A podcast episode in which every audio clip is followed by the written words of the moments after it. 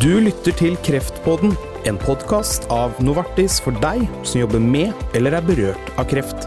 Programleder er Erik Aasheim. Det å forestille seg hvordan det er om 10 og 20 år, det, det er ganske krevende. Men eh, man skal ikke se bort ifra at eh, denne CAR-10-teknologien, eh, at den varianten av den er blitt hyllevare og eh, kan i stor grad erstatte eh, beinmargstransplantasjoner. Velkommen til eh, Kreftpodden, eh, Bjørn Tore Gjertsen. Ja, tusen takk. Du er med oss fra Orlando i Florida, hvor du deltar på den eh, store kongressen American Society of Hematology. Vi skal snakke mer om hva som skjer der etter hvert. Men uh, først litt mer om deg, Gjertsen. Du er, du er overlege ved seksjon for blodsykdommer. Uh, medisinsk avdeling Haukeland universitetssykehus. du er professor i hematologi, og også prosjektleder ved Center for Cancer Biomarkers ved Universitetet i Bergen. Og hematologen, som vi vet, diagnoserer bl.a. og behandler da sykdommer som leukemi, lymfekreft og og, og beinmargskreft. Og på den eh, kongressen der du befinner deg, Bjørn Tore Gjertsen, eh, den er arrangert eh, 61 ganger. Eh, hva er de største nyhetene? I år så er det liksom ikke én stor nyhet. Det, det, det, er kanskje mange små. Eh, og det fordeler seg på, på flere, flere, fagfelt, selvfølgelig. Dette med immunterapi er jo veldig veldig hot. Eh, sånn celleterapi med såkalte CAR T-cells. Det er jo noe som er i rivende utvikling. Så, så, så det, går, det, går, sin gang, på en måte. da. Eh, det som er, spennende, er jo å se om det på en måte kan brukes på andre maligniteter enn de som kommer fra lymfeceller, fra B-cellesykdommer. Eh, og Det er mange ting som tyder på det. Eh, F.eks. skal det jo startes en studie i Oslo på myelomatose, som er jo en cellesykdom, der man skal bruke CAR-T-cell. Så jeg tror det, det, kommer. Eh, et annet stort felt som det har jo vært snakket veldig mye om i mange år, det er jo genterapi. Og genterapi det kommer nok sannsynligvis eh, inn på helt andre sykdommer enn blodkreft først. Eh, og det er spesielt blødertilstander og kanskje også sånne hemoglobinsykdommer som man, som man har. Så det, det er liksom de, de, to feltene der. Innenfor mitt område, som er jo akutt myelogen leukemi, og også noe på kronisk myelogen leukemi, så, så, er jo det den oppfattelsen av at eh, akutt myelogen leukemi, som er den vanligste akutte leukemien hos voksne, at det er en veldig heterogen sykdom. Sånn at eh, det er nesten ingen pasienter som er helt identiske. Og Så er spørsmålet hvordan vi skal håndtere det. Eh, så det, det er jo det man, man, sitter igjen med. Og så er det noen nye medisinklasser som på en måte jobber seg langsomt inn, og man prøver å få plassert de, spesielt sånne stoffer som virker på apoptose. Eh, øker tendensen til apoptose når man bruker cellegift. Og så er det òg medikamenter som, eh, som, påvirker muterte enzymer i, i cellene, i blodkreftcellene. Mm. Så alt dette diskuteres på, på denne kongressen, ikke sant? Ja. Eh, og det, De siste dataene legges fram, da, så man, man får oppdateringer osv. Mm. Eh, bare litt sånn historietime her. I, i, I, 1642 så identifiserte Anthony van eh, Lovenhoek eh, blodceller, og i, i 1770 så fant eh, William Hewson, også kalt hematologiens far, de hvite blodcellene. Vi skal ikke dra hele denne flere hundre år historien, Gjertsen, men, men når var det siste gjennombruddet på dette feltet? Hmm. Ja. Um, det, det, gjennombruddet som på en måte forandrer hele hele, hele eh, tankegangen var vel kanskje Det er ganske mange år tilbake, det var rundt 2000. Da man kom opp med en såkalt kinasehemmer som kunne brukes på kronisk myelogen leukemi. Det var et stoff som het imatinib. Uh, og da Eh, begynte man jo på en, en ferd som i løpet av noen få år eh, flytt, fjernet alle de pasientene fra transplantasjonskøen. Mm. Så det var en ganske dramatisk eh, eh, sak. da. Omtrent samtidig, så eh, på slutten av 90-tallet og i begynnelsen av 2000-tallet, så så man òg at innenfor voksen leukemi, akutte leukemier, da, at det var en, en, en annen kinase, en reseptor, tyrosinkinase, som heter FLT3, som var ganske hyppig mutert. og Det er nå eh, det, det er en rekke materialer som viser at det er den hyppigst muterte genet da, i akutt myelogen leukemi eh, hos voksne. Um, og, og, da trodde man at man hadde en løsning på, på behandlingen av akutt myelogen leukemi ved hjelp av en, å legge på en kinasehemmer. Men, men, det har jo ikke vist seg at, å stemme. Da. Det har jo tatt har tatt 20 år egentlig å, å utvikle den første kinasehemmeren for uh, akutt myelogen leukemi. Mm. Er, er de, de, krefttypene du jobber med, altså som er knyttet til, til uh, altså som er også blodsykdommer, er det mer komplisert enn en, en andre uh, krefttyper? Man, man, regner jo det at de akutte leukemiene sånn generelt har mindre mutasjoner enn det mange andre solide svulster har. Eh, men, men, realiteten er jo at for å, å, å, kunne helbrede en pasient med akutt leukemi, så bruker vi jo av den mest intense cellegiftbehandlingen som er tilgjengelig. Eh, og for å konsolidere behandlingen, eh, så, så, er det veldig mange av pasientene som skal ha en, så, en såkalt allogen stamcelletransplantasjon. Eh, så dette er faktisk eh, Der er fem til syv man regner det grovt sett, og sykdomsgivende mutasjoner i en AML. Så, så, realiteten er at vi bruker en veldig intensiv behandling. Eh, og sykdommen er jo systemisk, så det, det er ikke, den sitter jo ikke ett sted, den er jo i hele kroppen. Mm. Sånn at det, det, er en, det, er jo en, utfordring sånn behandlingsmessig. Hei, jeg heter Anita Fredriksen. Og jeg er Anita Henriksen. Så fint at du lytter til Kreftpodden. Denne podkasten er et initiativ fra Novartis for å fremme kunnskapsdeling og faglige diskusjoner innen fagfeltet onkologi. Den er ment for deg som jobber med eller er berørt av kreft. Vi spiller stadig inn nye episoder for å kunne utvikle podkasten med dagsaktuelle tematikker. Følg med og abonner på Kreftpodden, så blir du varslet når det kommer nye episoder. Du hører på Kreftpodden. Jeg heter Erik Aasheim, og i dag så har jeg med meg Bjørn Tore Gjertsen, som er overlege ved seksjon for eh, blodsykdommer ved Haukeland universitetssykehus. Eh, du er også professor i hematologi, eh, og du befinner deg nå på en kongress i Orlando i Florida. American Society of Hematology. Den ble første gang arrangert i 1958, og det var åtte år før du ble født, Gjertsen. Ehm, hva er nytteverdien for norske leger i å delta på slike kongresser? Selve kongressen har jo et veldig internasjonalt en veldig internasjonal profil. Og, og det, det, illustreres jo ved at den, den vitenskapelige journalen eller tidsskriftet da, som, som, er hovedtidsskriftet til denne foreningen, de, de driver jo og, og, og, gir ut utgaver på andre språk. Eh, F.eks. kinesisk og italiensk og japansk. Eh, og, det er en veldig internasjonal, en veldig internasjonal kongress. Eh, det også, har òg vært en en tyngde når det gjelder utvikling, spesielt innenfor genetikk og kreft. Eh, en faglig eh, tyngde i USA.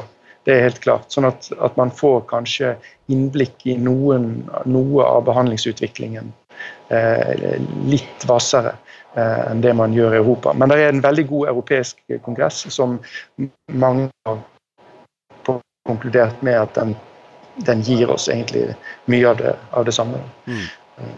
Du er selv aktiv på, på forskningsfronten og, og, bidrar selv til eh, seks studier har jeg sett, som skal legges frem på, på denne kongressen. Hva, hva, vil du trekke fram av det du selv skal være med å presentere? Altså, hva, hva er det viktigste?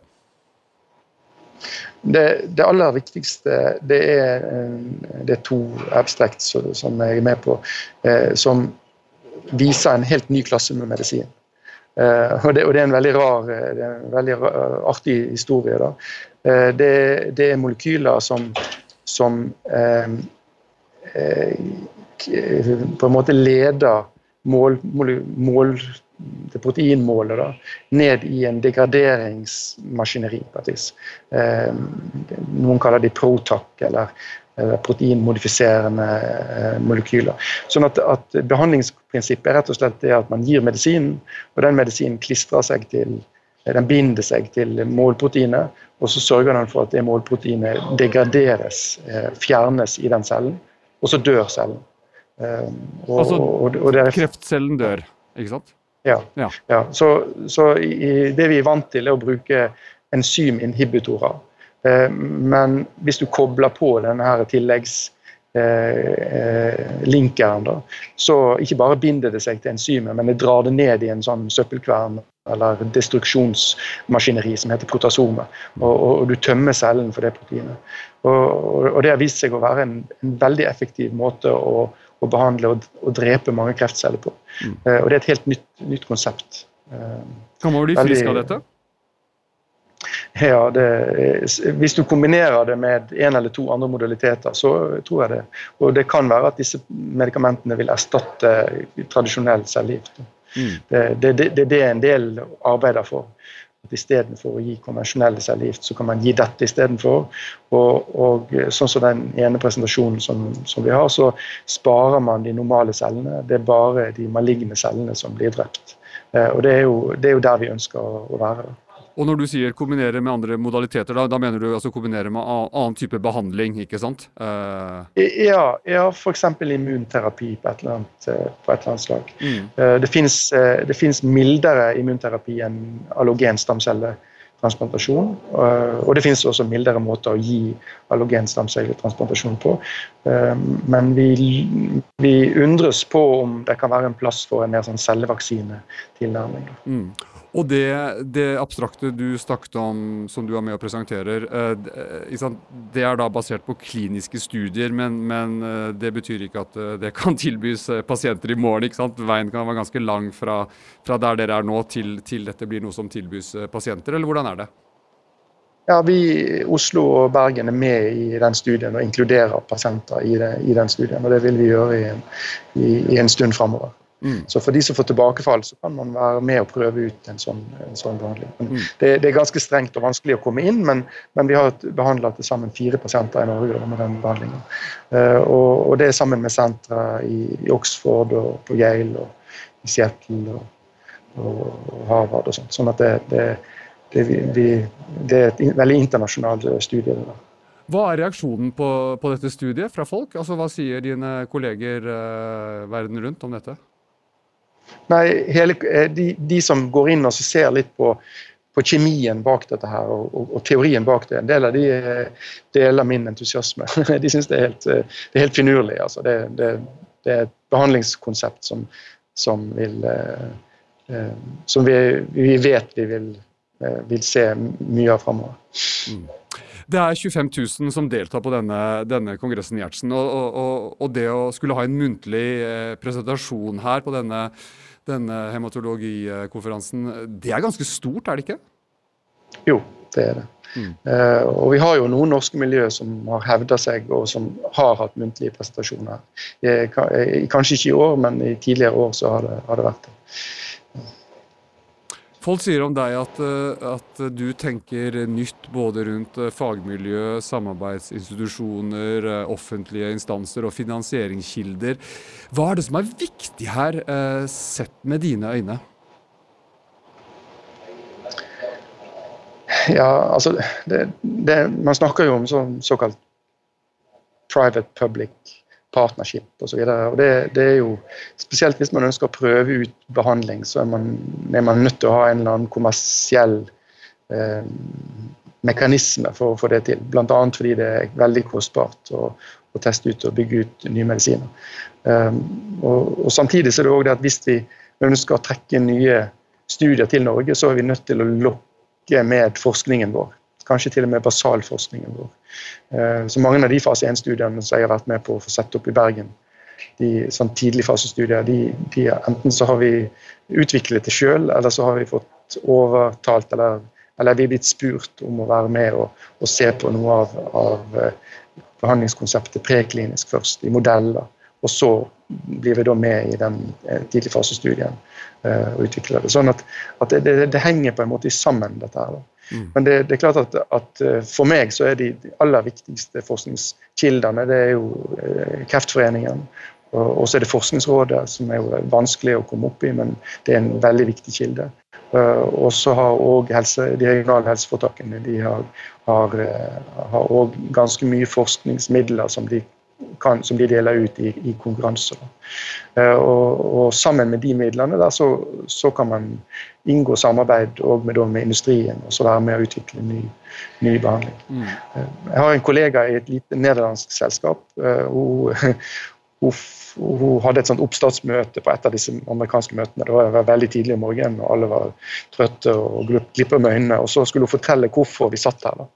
Og da Hun var professor i immunologi og så hadde hun en idé som hun ønska å teste ut på pasienter. Det var en sånn cellevaksine, dendritisk cellevaksine. Og hun, sa, hun skjønte etter en stund at det kunne hun glemme fullstendig hvis hun hadde tenkt å fortsette på universitetet. Så hun, hun skiftet jobb, og så stiftet hun dette selskapet. Så hun ble gründer for å få den ideen hennes testet ut på pasienter.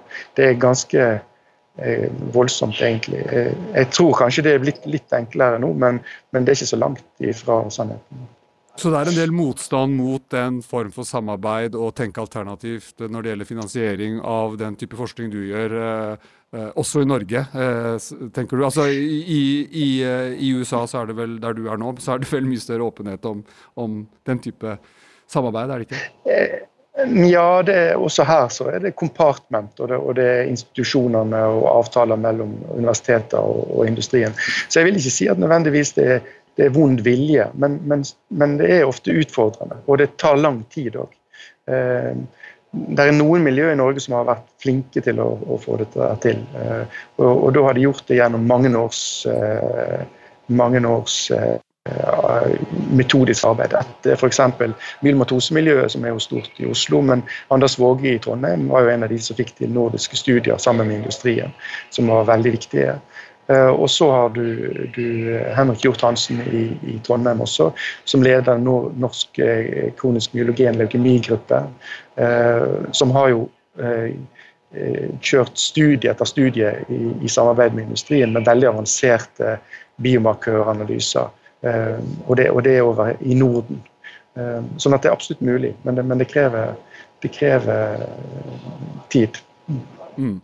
Du befinner deg nå sammen med, tusenvis av, eh, av hematologikolleger eh, eh, fra hele verden. Altså, jobber man på lik måte nå? Altså, forskningen, eh, har den de samme reglene rundt omkring eh, i, i, i, de ulike verdensdeler, eller hvordan er det, eh, Gjertsen?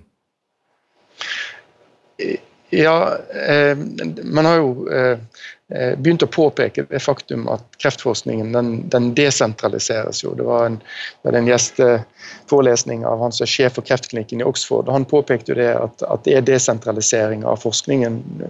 I Norge så vet du at vi har gode kreftforskere i Tromsø, og Trondheim, og Stavanger, og Oslo og Bergen. Og, og det er klart at De, de jobber eh, i nettverk. Vi jobber i norske nettverk, men vi jobber òg i internasjonale eh, nettverk.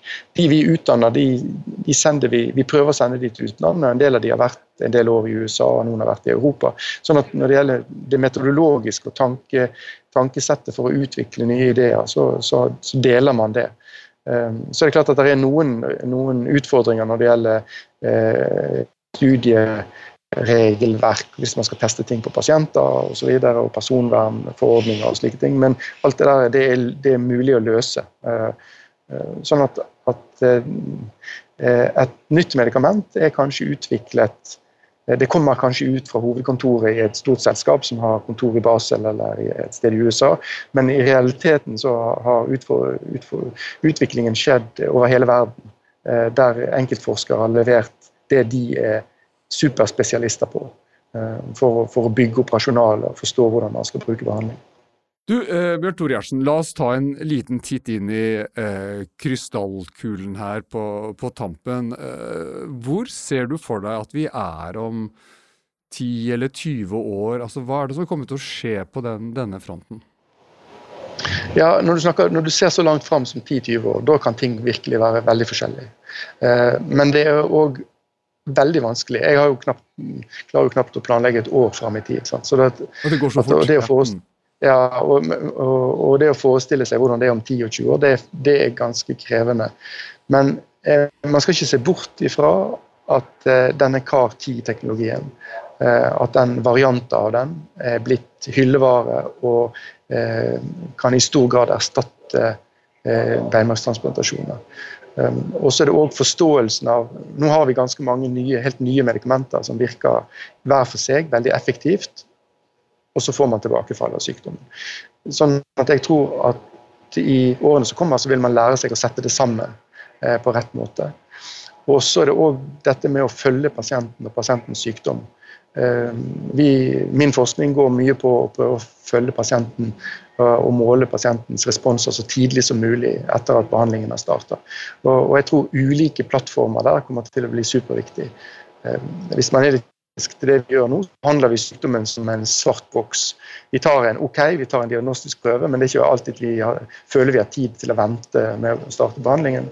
Og, og, så behandler vi med forskjellige kurer osv. uten at man egentlig vet hvordan eh, cellene har respondert uh, og svart på den behandlingen. Det tror jeg kommer til å forandre seg i, i de 10-20 årene som kommer. Så persontilpasset medisin, det er, det er nøkkelord her? Ja, men persontilpassa medisin det er ikke en bryter som du bare vrir rundt på. Det er, en, det er en, et mindset og en tanke eh, det, det, er en, en, prosjekt Eller hva skal man si, det er, en, det er en gradvis utvikling som man er nødt til å, å, å, å konsentrere seg om. Og så tar man kanskje en, får man en liten seier her og en liten seier der, og man dekker en mindre gruppe av pasienter her. og så På den måten så flytter vi hele feltet framover fremover på en gunstig måte. Mm. Tre ting å ta med seg fra denne samtalen. Ja, tre ting som er viktig å ta med seg herfra når jeg ser eh, denne store konferansen i Orlando, er punkt én. Eh, basalforskning er aldri feil. Eh, det er nye metoder, nye tenkemåter, nye modeller osv. Det, det, det er viktig for å bringe forskningen framover. Det andre det er jo dette med internasjonalisering. Eh, vi må vise fram de beste forskerne våre, eh, slik at, eh, at internasjonale konsortium og internasjonale selskap er interessert i å være med å utvikle medisiner og ideer. Det tredje er at man kanskje må huske at ting tar tid. Eksempelvis den første målretta medisinen mot kronisk myelogen leukemi, den kom jo, den kom jo 40 år etter at eh, den kromosomforandringen var oppdaga. Eh, og det samme gjelder P53, som var oppdaga helt på begynnelsen av 70-tallet. Det er først eh, om et år eller to at vi kommer til å se de medisinene tilgjengelig. Så ting tar tid, så vi må ha tålmodighet, og vi må fortsette det gode arbeidet. Takk for at du var med i, i Kreftpodden, Bjørn Tore Gjertsen, med oss fra Orlando i USA.